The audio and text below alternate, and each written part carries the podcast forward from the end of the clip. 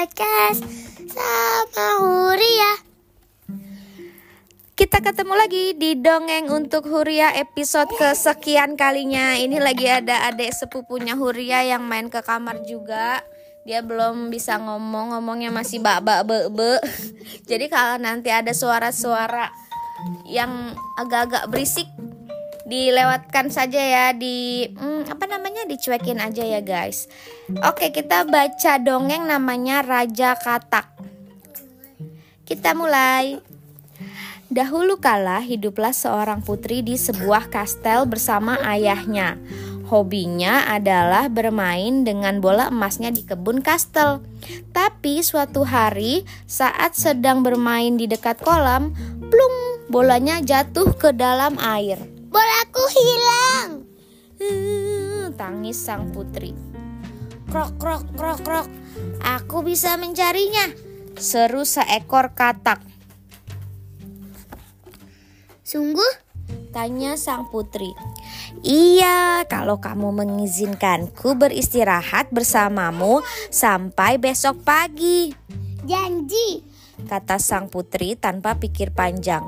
Lalu ketika katak menyerahkan bola emasnya, sang putri lupa dengan janjinya dan berlari ke kastel. Tok tok tok tok tok.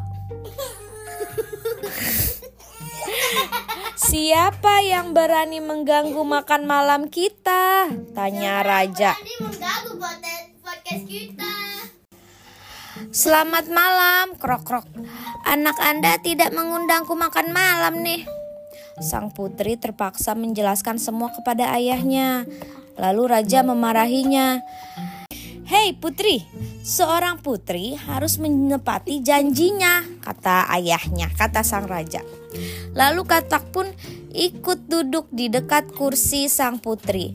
Dengan lidahnya yang berlendir, dia mengambil sebutir kacang merah. Nyam, makanannya sungguh enak, kata katak. Terus putrinya Aku tidak, aku sudah tidak lapar lagi. Weh. gumam sang putri karena dia jijik Jorse. nge- jorse ngelihat katak makan dijilat-jilatin begitu. Mana di piringnya lagi? Mm-mm.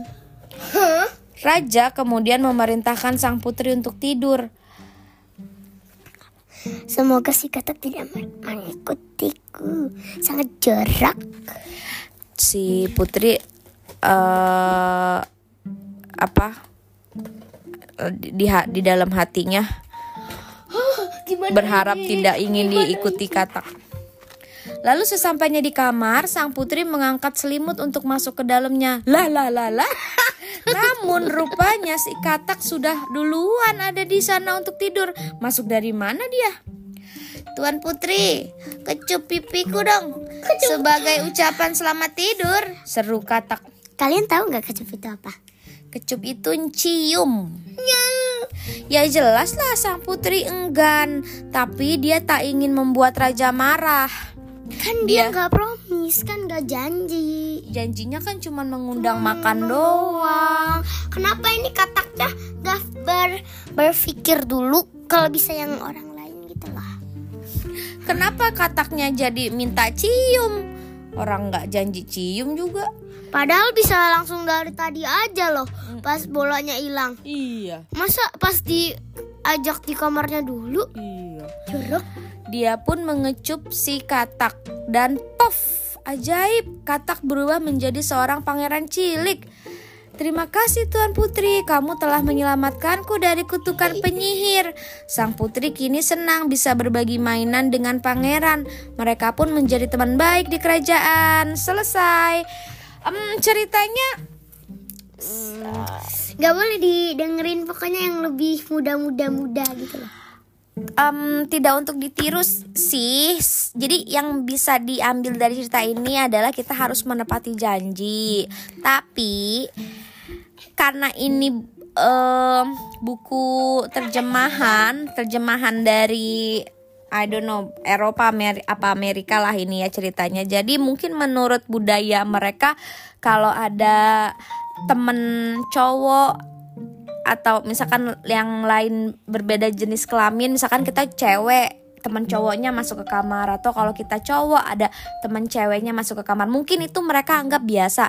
Tapi guys karena kita ini di Indonesia di uh, budaya timur bukan barat itu sebenarnya eh, nggak uh, boleh. Kalau di kamar itu ya sebaiknya keep it private gitu. Jangan ada orang yang orang lain yang masuk kamar malah walaupun sesama perempuan atau sesama laki aja sebenarnya itu nggak boleh gini. Eh gitu ya. Apalagi yang beda jenis kelamin gitu guys. Oke itu aja deh ya dari kita. Jangan dulu aku mau cerita cerita tentang perasaan aku habis membaca oh iya bagaimana perasaan kamu hur? Um, sudah kalian tahu lah. Dalam hati aku terus kayak eh, cici cici. Terus? Kenapa kok jijik hur? Ih masa? Masa?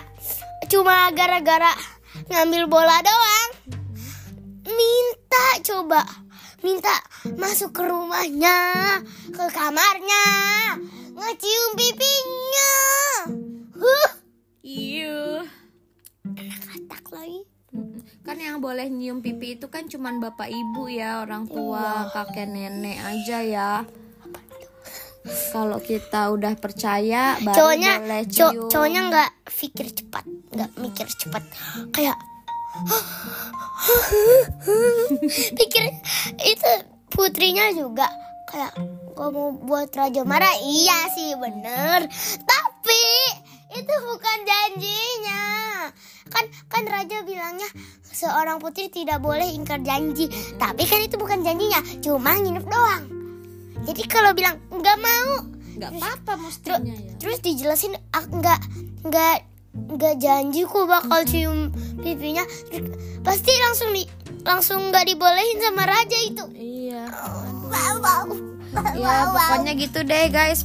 Uh, apa ambil baiknya buang buruknya ya Bye bye, kita jumpa lagi di episode selanjutnya di Dongeng untuk Huria.